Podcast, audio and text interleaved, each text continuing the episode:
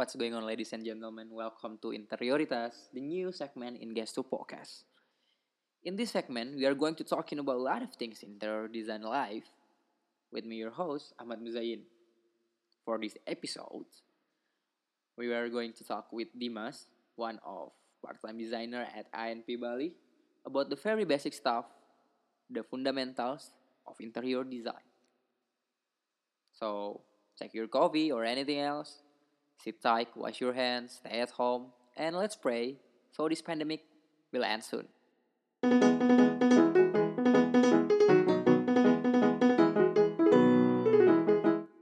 Ada udang di balik batu. Assalamualaikum warahmatullahi wabarakatuh. beli talam di buah batu assalamualaikum. Gua assalamualaikum goblok Hmm, jadi, uh, this is the new type of podcast di Gestur. Di podcast ini, sembari kita mengisi kekosongan di tengah-tengah corona, gue akan membuat sebuah, eh kita berdua akhirnya menentukan untuk uh, ngobrol seorang so- soal interior design. Gue bersama dengan, Dimas Agung jadi dia hostmate gue, eh visi misi visi misi. Kok visi ini ini apa? namanya? Biodata di biodata. Oh biodata gue.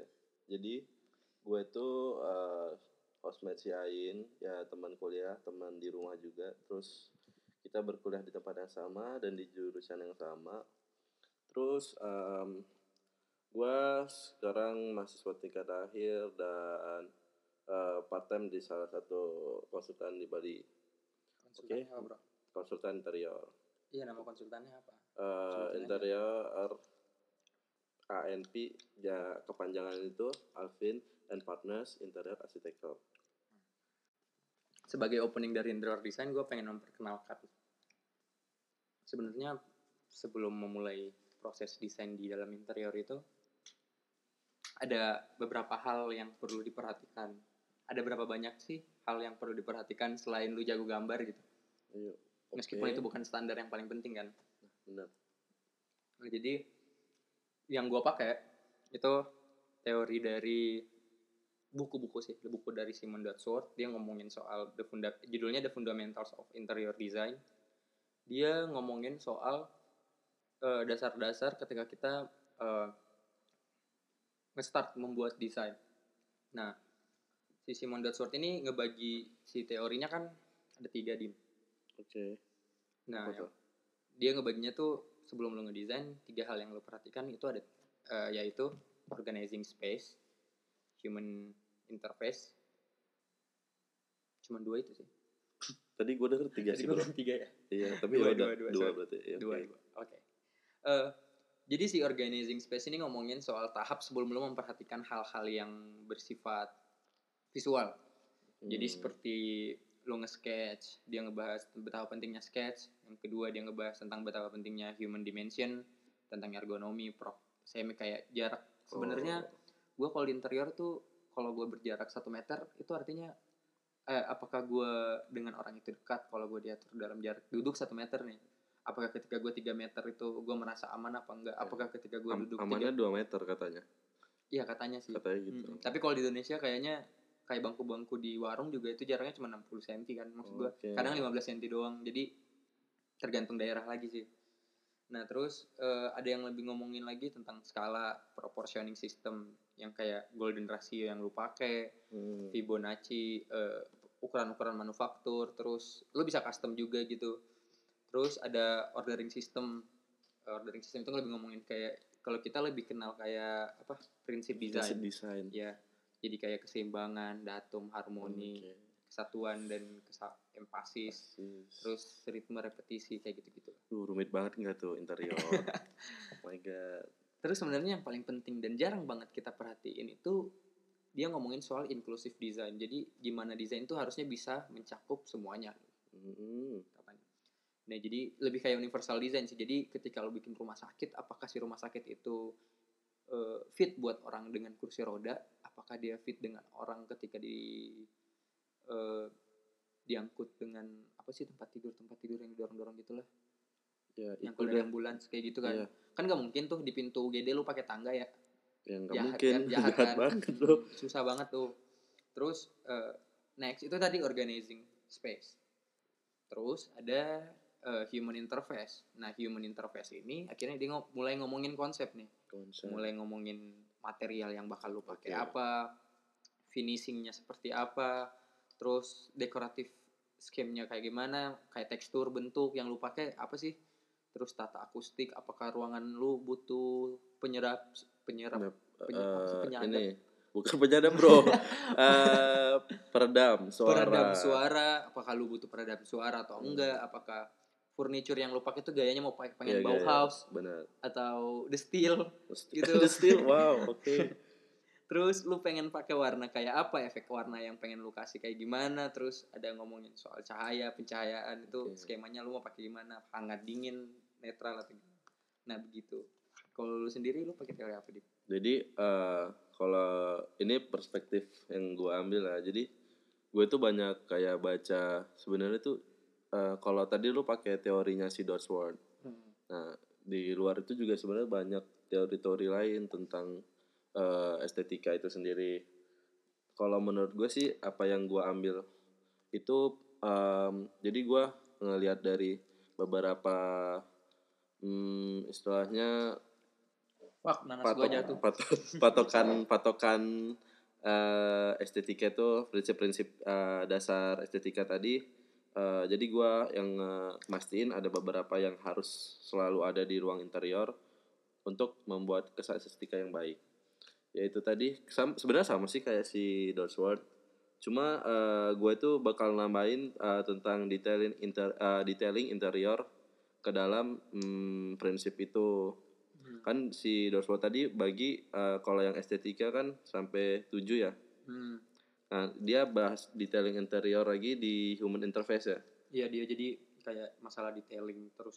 Masalah lain itu maksudnya kayaknya di tekstur dan bentuk. Oh iya. Kalau perspektif gua sih sebagai desainer interior itu eh, harus si detailing interior itu sangat eh, utama sih. Jadi harus gua masukin sebagai prinsip gua. Hmm. jadi ya cara gua membuat suatu ruang tuh gua harus lihat semua prinsip itu harus ada di dalam ruang itu. Jadi si eh, irama terus kayak empasis eh, harmoni unity terus detailing interior itu harus diperhatikan satu persatu. Karena kesan kalau eh, kita mencapai sudah mencapai si prinsip-prinsip yang telah dibuat tadi itu secara otomatis eh, nilai interior desain interior yang buat itu bernilai lebih. Jadi ada nilai estetika yang memenuhi syarat-syarat mutlak itu. Jadi kayak gitu. Tapi menurut lu dengan memperhatikan yang kayak human interface dan organizing space ini oke. eh, kan desain ngomongin gak cuman soal estetika kan? Hmm, bener. Bis- ya bener bener banget bener. distinct kebanyakan mereka pasti mengarahnya ke masalah visual visual ya bisa jadi masalah bener visual sekali menurut lo apakah dengan konsep eh dari gue sendiri nih ya dari Iya, lo juga uh. apakah konsep lu yang nambahin detailing itu bisa menyelesaikan solusi eh Iya. menyelesaikan masalah Hmm. untuk ruangan yang lu desain apa enggak Jadi eh, tapi ini dalam permasalahan eh, interior atau terhadap human. ya interior terhadap human ya maksud gue Eh, Jadi kayak- sebelum kita terlalu jauh ini adalah perspektif jadi teman-teman Iya sekalian bro. begitu menerima insight dari kami tolong di Iya. disaring Di- dulu disaring dulu karena ya, kita juga iya. masih mahasiswa Ya jadi jadi ya begitulah kita punya perspektif masing-masing jadi kita cuma sharing perspektif aja Jadi gini. eh, kalau menurut gua eh, jadi si detailing interior itu apa bah bisa menjadi pemecahan masalah di dalam suatu eh, problem. Eh, kalau menurut gue bisa. Kenapa? Pertama, eh, kayak misalnya kita ambil contoh eh, orang punya masalah di dalam suatu ruang interior kayak, duh gimana ya gue ini kok di kursi gue belum kerasanya itu kayak ada yang nggak bisa duduk lo duduk tapi kayak kayak nyaman aja nggak gitu. nyaman terus kayak eh kayak gue nggak suka kursinya karena nggak memberi kesan terhadap gue yang baik gitu jadi kursinya jahat gitu maksud gue jahat. maksud gue itu bukan secara bukan secara kenyamanan doang sih maksud gue pengaruh secara secara psikologis gitu. psikologis terus secara kalau jadi ngomongin interior interior itu balik lagi siapa eh, Penggunanya. penggunanya di mana tempatnya Mhm. eh di mana dia di desain itu pengaruh lagi sih. Gue ngambil contoh deh gini aja deh biar gampang. Kayak misalnya gue ngambil contoh pribadi ya. Mhm. gue duduk di suatu tempat misalnya uh, di living room. Terus gue duduk uh, di suatu kursi. Nah di sofa itu gue duduk misalnya di sofa yang standar aja deh. Misalnya kayak sofa biasa terus polos gitu hanya kayak uh, ya kalian pasti tau lah sofa-sofa polos gitu. Terus kayak gue duduk di situ oke gue nyaman terus. Tapi secara visual gue nggak nyaman. Eh kayak kenapa ya eh, si sofa ini cuma eh ya sofa aja gitu. Kenapa nggak ada detailingnya? Eh, kenapa harus segitu aja? Kalau gua pribadi maksudnya ya itu menurut gua secara visual kurang aja dulu tidak punya nilai lebih di dalam desain menurut gua. Kenapa tidak ditambahin detail-detail mungkin kayak jahitan-jahitan kecil terus Hmm, oke. dibuat material-material yang lebih bertekstur kayak gitu. Jadi ya oh material-material bertekstur termasuk dalam detailing bukan cuma bentuk doang. Material maksud gua material bertekstur itu eh, jadi misalnya si sofa ini punya material eh, awalnya fabric nah Biasa kan? Terus dia punya material lagi tambahan di armchairnya eh, di Armrest. am armrestnya. Mhm. kayak ada dia mungkin pakai kulit. Oke oke. Jadi ada material yang berbeda. Eh, menurut gue itu secara visual punya nilai lebih. Terus kalau ngomongin kenyamanan detailing interior hmm, kalau menurut gue detailing interior sih kalau untuk kenyamanan tidak terlalu sampai titik itu ke titik itu hmm. kalau detailing interior itu lebih ke visual aja gitu visual ya iya sih secara interior aja gitu Oh, oke. Jadi Sebenarnya.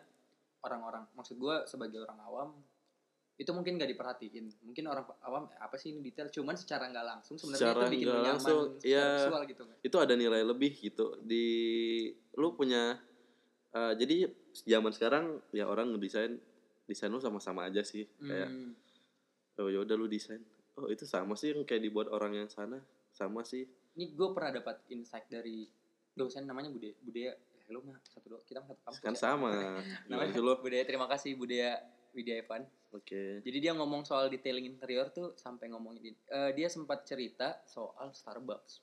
Hmm, betapa pentingnya Starbucks dalam desain kan kenapa Starbucks harganya mahal selain karena emang Hmm. kopinya enak dan baristanya dilatihnya profesional dia ngomongin soal kalau Starbucks tuh interiornya kopi banget kan dia ngomong gitu ya, oke. ini gue anggap Oke, sebagai oke, detail oke, iya, sebagai iya, desainernya iya, iya. dari dari insight gue ya karena kata Budia gini si Starbucks itu ketika lo masuk kenapa lo merasa rasanya kopi banget gitu Ya, Iya iya nggak sih? bener Lo sih. merasa nggak sih? gua bener Ketika lo sih masuk oke Kopi, Starbucks tuh ya coffee shop parah, coffee, Coffee banget shop kan? banget. Iya kan, coffee banget kan.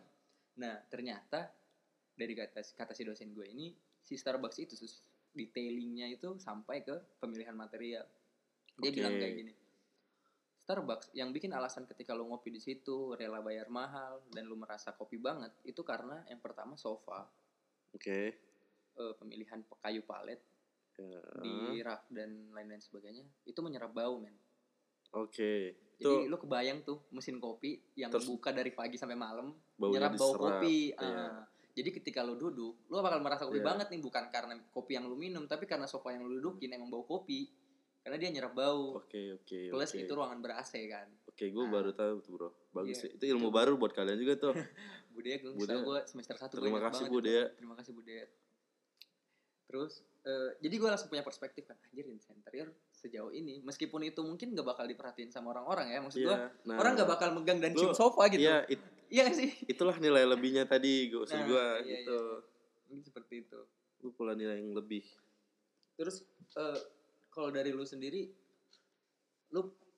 punya klien yang memperhatikan itu nggak sih maksud gue Oh, selama lu oke. bekerja sebagai designer. oke kalau gue pattern designer sama di ENP itu lo harus tahu bro kayak jadi si setiap klien tuh gue tuh punya PM-nya masing-masing jadi Hmm.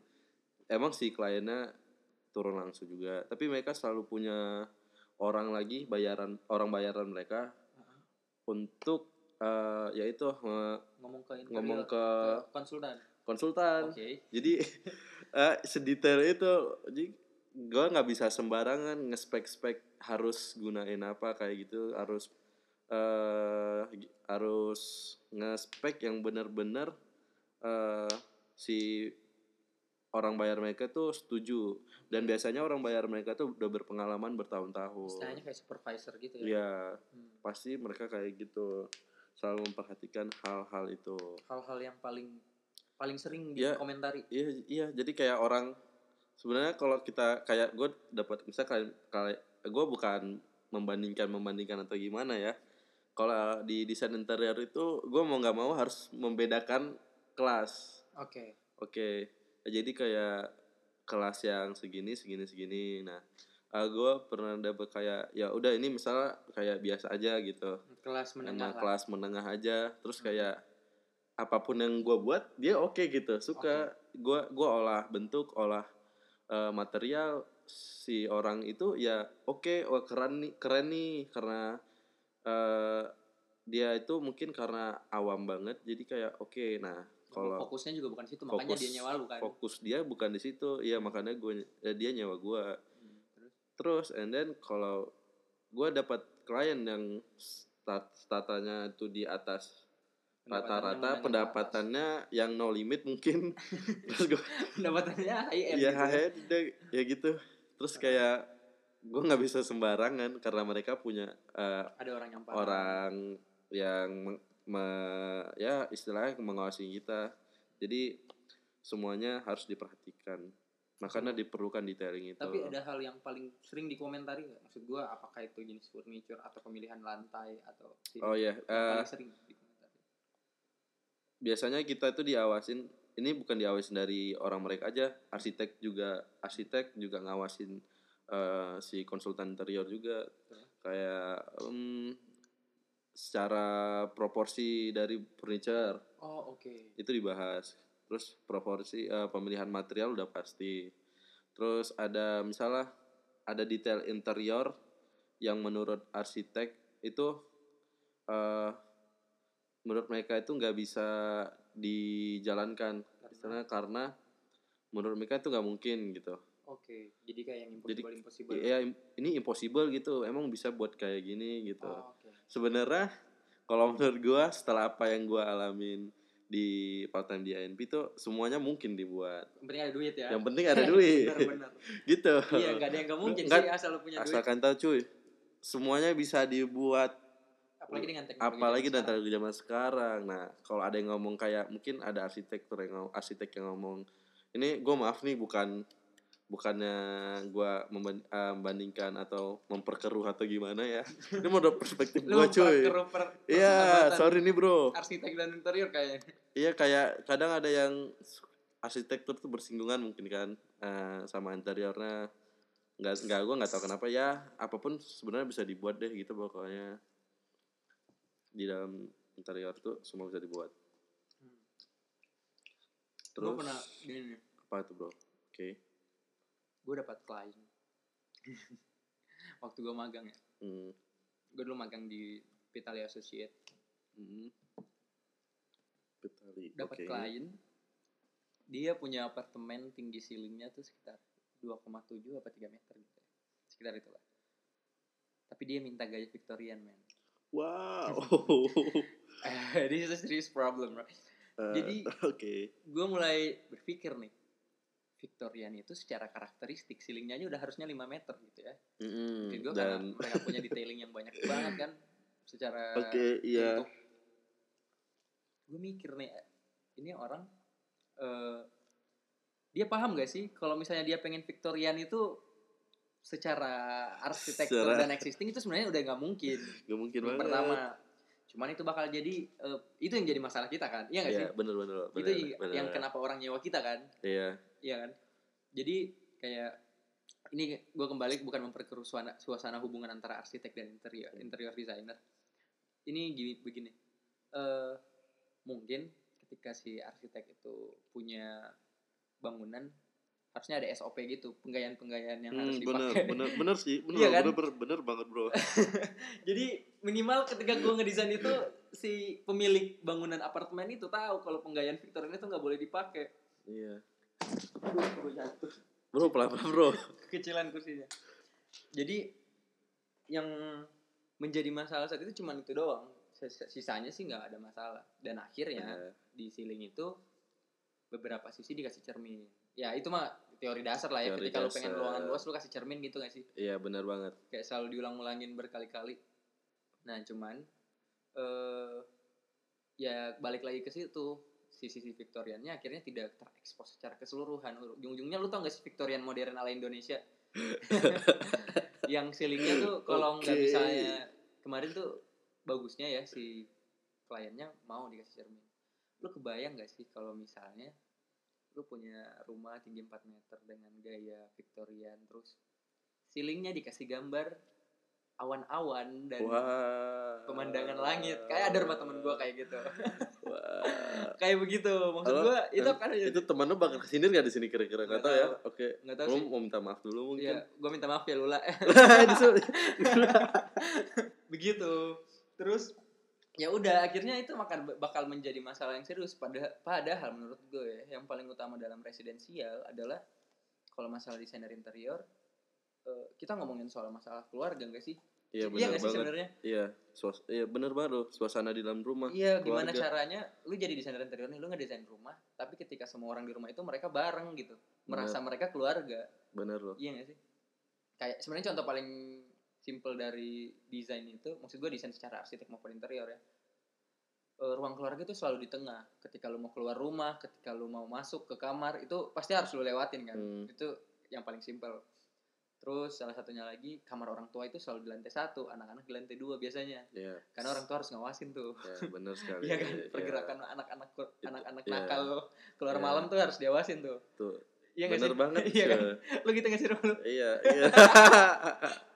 Iya. Tapi itu ntar kalau orang tua lo udah berumur kayaknya males deh kalau di lantai dua. Iya pasti sih. Kan makanya di lantai satu juga. Bahkan bisa di jadi kayak gitu. iya. Iya sih bisa jadi.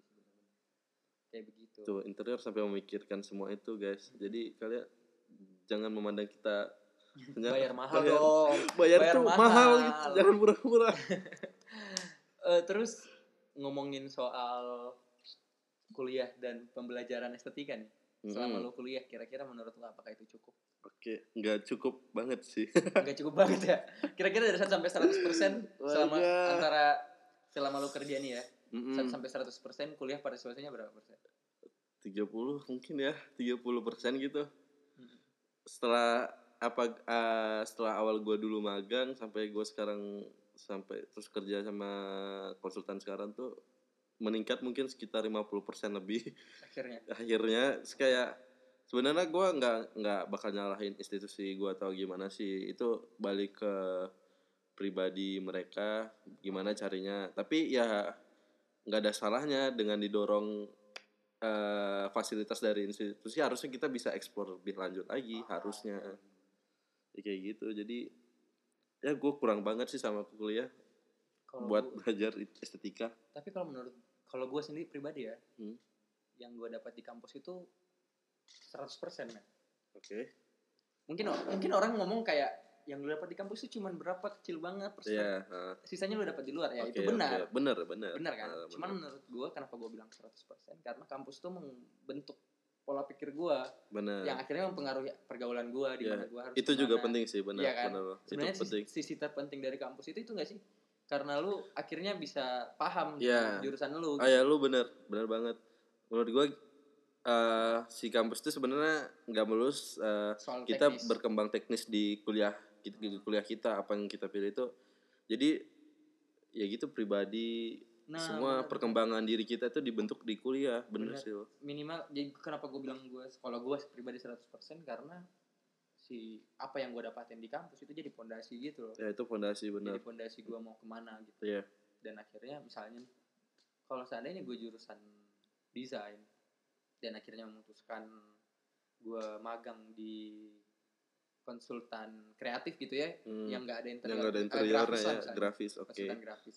Berarti gue memahami jurusan gue desain interior dan akhirnya gue kuliah di dan akhirnya gue magang di grafis berarti eh, pondasi gue nggak kuat di situ karena berarti gue nggak paham kenapa gue nggak nyari yang ini kenapa gue gue gue cari yang sesuai dengan ilmu yang gue dapat bener gue gue mikirnya ke situ sih Iya. di luar iya, gue iya. suka nggak suka ya Iya.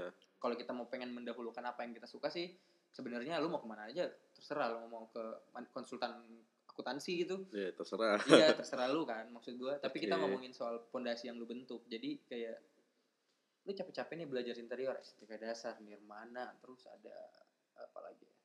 Aduh, Eh, iya sih bro, berat banget bah- sih. pengetahuan Iya, bahan berat yang dua tingkat gila. terus konstruksi gambar konstruksi Mikir banget sih. iya kan itu. itu Iya. jadi ilmunya jadi kebuang meskipun itu menurut gua ilmu yang gua dapat di mata kuliah konstruksi itu sebenarnya kepake kayak cuman satu persen di lembar kerja gua Iya, iya. Iya? Iya. iya cuman Oke. kembali lagi tapi dia jadi pondasi buat gua cari tahu Itu lebih pondasi, lanjut benar, Ah, benar iya banget. kayak gitu Ya intinya di kuliah itu kita dikenalkan hal-hal yang mendasar untuk bidang-bidang kita kayak interior misalnya bidang kita. Nah itu dikenal-kenalin awalnya dasarnya. Kita dituntut sebenarnya lebih mandiri sih di, di waktu kuliah. nah iya itu Jadi- fi- fix itu Kita harus cari informasi yang mandiri sebenarnya. plus kurikulum 2013 Nah benar banget tuh. dan internet ya dan internet nah tuh jadi ya se- ya kita bisa kalian tuh bisa ambil ambil apa yang eh, ilmu-ilmu baru tadi yang udah kita omongin sih. Jadi Lu kayak mata kuliah yang paling berpengaruh selain studio ke proses perkembangan desain lo mata kuliah selain studio.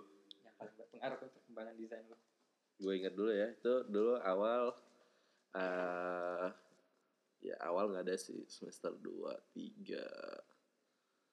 Oh gue dulu suka banget sama eh Nirmana. bukan bro.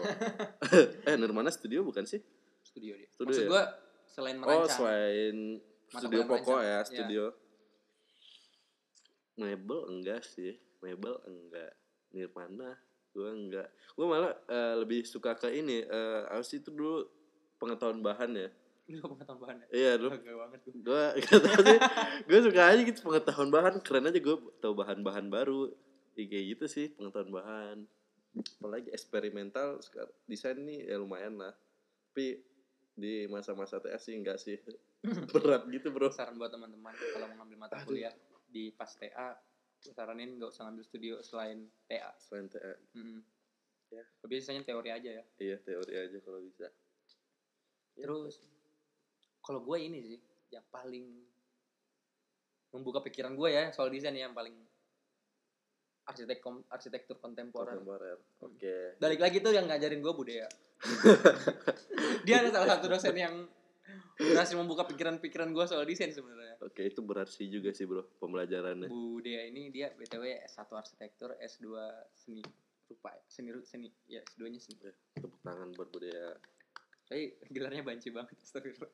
aduh. Dari teknik ke seni maksud gua ya udah. Iya iya oke. Perspektif. Terus eh kenapa menurut gue itu ngubah? Kan lu tadi bilang kalau lu jadi tahu material jadi keren aja gitu kan. iya Kalau gua karena arsitektur kontemporer itu kan salah satu gaya eh, era desain ya sebenarnya dari tiga mata kuliah yang kita diajarin prasejarah, sejarah terus Sejarah. eh prase, pramodern, modern Modern. modern postmodernism. Hmm. Nah, postmodern itu kontemporer kan. Gue kenapa kebuka pikiran karena akhirnya gue berhasil mendapatkan apa ya, mendapatkan perspektif kalau desain itu selain fungsional dia estetik gitu. Maksud gue benar lu dapat barang benar sekali yang ya estetik dan fungsional tuh barang langka. Maksud gue ini pekerjaan yang bukan yang pekerjaan gampang gitu. iya Ketika dia dituntut untuk jadi fungsional, ya dia harus fungsional kan. benar-benar Ketika dia dituntut jadi estetik, ya dia jadi estetik. estetik iya Iya enggak sih? iya benar banget loh dia punya dua purpose gitu jadi akhirnya gue bilang anjir kayaknya kalau gue di pekerjaan ini jadi kayak gue se- seniman terus gue jadi Gua- saintis saintis Iya juga kan? keren banget desainer. cuy iya kan Lu gila Keren udah banget lu kan? belajar teknik belajar estetika lagi wow Iya kan? terus eh apalagi ya oh menurut lu yang selalu kita di salah-salah bukan disalah-salahkan kan ya tapi kita selalu diarahkan untuk nggak jadi dekorator Oh, Iya nggak sih? oke, dekorator. Kita selalu ditanyain. Oke. Kamu tahu nggak bedanya interior design dan dekorator, Dekorator. itu gue dari dulu sering banget sering banget ditanyain dan itu akan justru menjadi perspektif baru untuk orang-orang karena yang dijelaskan oleh eh, beberapa dosen ya dia menjelaskan tentang bahwa dekorator eh desainer interior itu derajatnya lebih tinggi daripada dekorator Iya, Ya, kebayang. banyak yang Benar, ngomong kayak gitu. itu banyak yang ngomong sih.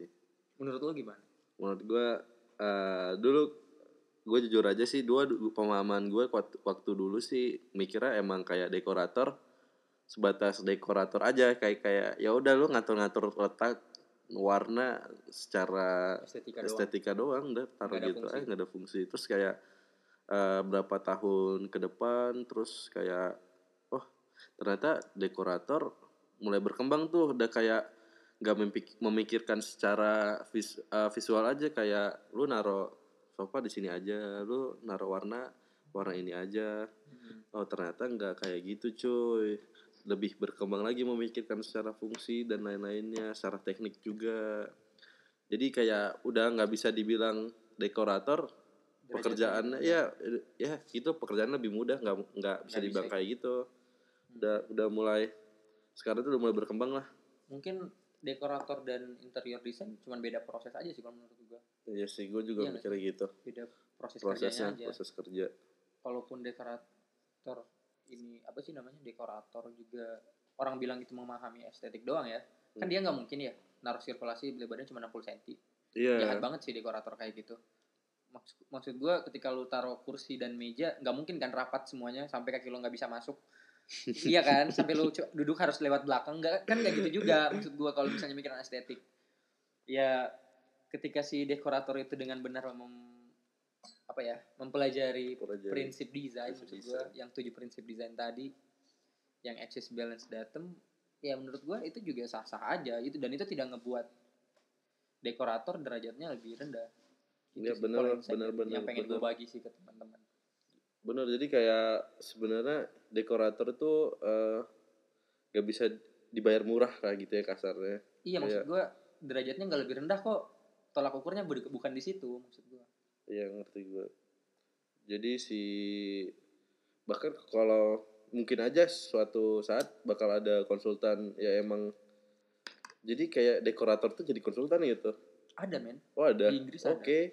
jadi dia ngomong jadi si de- si dekorator ini dia konsultan dekorasi dia cuman ngomongin soal dua dekorasi temporary temporary Oke. sementara ah, sama dekorasi ting- eh, jangka panjang Oke. dia bilang kayak gitu karena dia selain ngedekorasi eh, ruang tempat tinggal Hmm. atau apa pun itu dia juga ngedekorasi event Oh, Mm-mm. jadi gua jadi akhirnya setelah gua lihat si struktur konsultan itu dan cara kerjanya mereka di YouTube di- mereka lebih ngomongin daripada bukan berarti dia nggak fokus ke fungsi ya fungsi juga tetap cuman mungkin lebih menonjol ke estetika karena dia ngomongin kayak gini eh, mereka bekerja untuk menciptakan suasana ruang dia Hmm. bilang kayak gitu kan oke suasana ruang. Mm-mm. ketika event yang ber- berbicara soal Tokyo ya yang gua datangin penjual takoyaki Takoyaki Iya kan? bener loh, iya. gue pakai lantai kayu, gue pakai eh, Ya, pintu sliding kayak Jepang gitu-gitu banget kan, ya. ya. Jepang gitu. Dia mah dap- bawa eh, nuansa Jepang. Terus ketika dia ngomongin rumah tinggal, ya orang-orangnya pengen rumah tinggalnya kayak apa Harry Potter gitu. Ya, ya dia kasih kursi kulit gitu, Hmm. dia Iya, kasih bener. meja gede kayu Iya. warna tua gitu kan. Terus eh, jadi gue mikir aja gitu. Jadi sebenarnya dekorati dekorator dan interior designer tuh akhirnya beri- mulai beririsan juga kayak interior Beririsan designer. banget sih kalau gua Iya kan? ya gua gua dengar cerita tuh beririsan banget. Tapi interior designer sama ini juga arsitektur interior juga beririsan. bersih benar banget tapi dekorator tuh eh, dia secara dia ngolah-ngolah bentuk nggak sih maksud gua kayak eh, mungkin ada secara apa sih istilah kan misalnya kita punya existing nih bangunan terus dia disuruh ngedekor ruangannya berarti dia nggak bakal bisa nyentuh Struktur eh, ruang. struktur Kayaknya nggak bakal. enggak ya oke gue gue tahu berarti Kalau Beda, mau ngolah oke. bentuk ruang tetap bisa dengan cara nambahin. Olah bentukan bentuk. ruangannya kotak. Jadi dia Iya. nambahin biar dia bentuknya kayak bulat. tapi kayaknya kalau ubah struktur Ubah gua struktur kayak misalnya partisi segala macam gitu. kalau partisi kayaknya masih bisa Masih bisa ya. Oke. Iya. maksud gua kayaknya perbedaan si interior designer dan si dekorator itu akhirnya cuman pada proses doang hasil tuh lu nggak bisa ngeliat ngebedain yang kerjain proyek ini tuh dekorator Iya, apa iya, interior iya, iya. dekorator apa interior gitu Iya, interior iya. designer Oke. karena lu nggak ngeliat prosesnya ya gitu Iya, kan Iya benar. apalagi sih. beberapa desain tuh bakal terlihat bakal bisa dibilang benar dan tidak kalau lu tahu masalah ruangan itu apa kan kalau Iya, lu nggak tahu masalah ruangan itu apa lu cuman bakal Iya, lihat itu Iya, indah apa iya, jelek. indah apa jelek. iya kan? Bener. kayak gitu doang. Dan dekorator bisa. Membuat ruangan indah tuh dia bisa. Iya gak sih? Secara estetika pasti dekorator bisa banget sih. iya maksud gue itu dia nomor satu juga. Keunggulannya di situ. Begitu. Oke. udah 36 menit guys. Padahal tadi rencananya cuma 25 menit. 20 menit. Udah ah jadi itu tadi ngobrol obrolan dengan Dimas seputar interior designer itu Iya. ini btw opening jadi kita bakal ada ngobrol lagi Yo, iya. Eh, kita bikin ini weekly ya eh weekly apa dua minggu sekali apa seminggu saya dua minggu sekali lah ya Dua minggu boleh. Dua- Oke. eh dua minggu sekali dua kali seminggu Dua kali seminggu. Mm-mm. so uh, that's it about design by the way this is a perspective for us from us so Hmm. please consider to take it as uh, idealism to your head because this is just what we think about. Yap. dan kita juga nggak bakal maksain kalau apa yang kita omongin itu semuanya benar. Silahkan kalian browsing silahkan kalian cari literatur yang benar Iya. kalian cari jurnal kayak biar lebih valid gitu. Dan itu dia selamat eh, bersenang-senang buat desainer selamat mendesain di tengah-tengah corona. Dan eh, stay healthy everyone. Gua Ayin Gue Dimas. till next time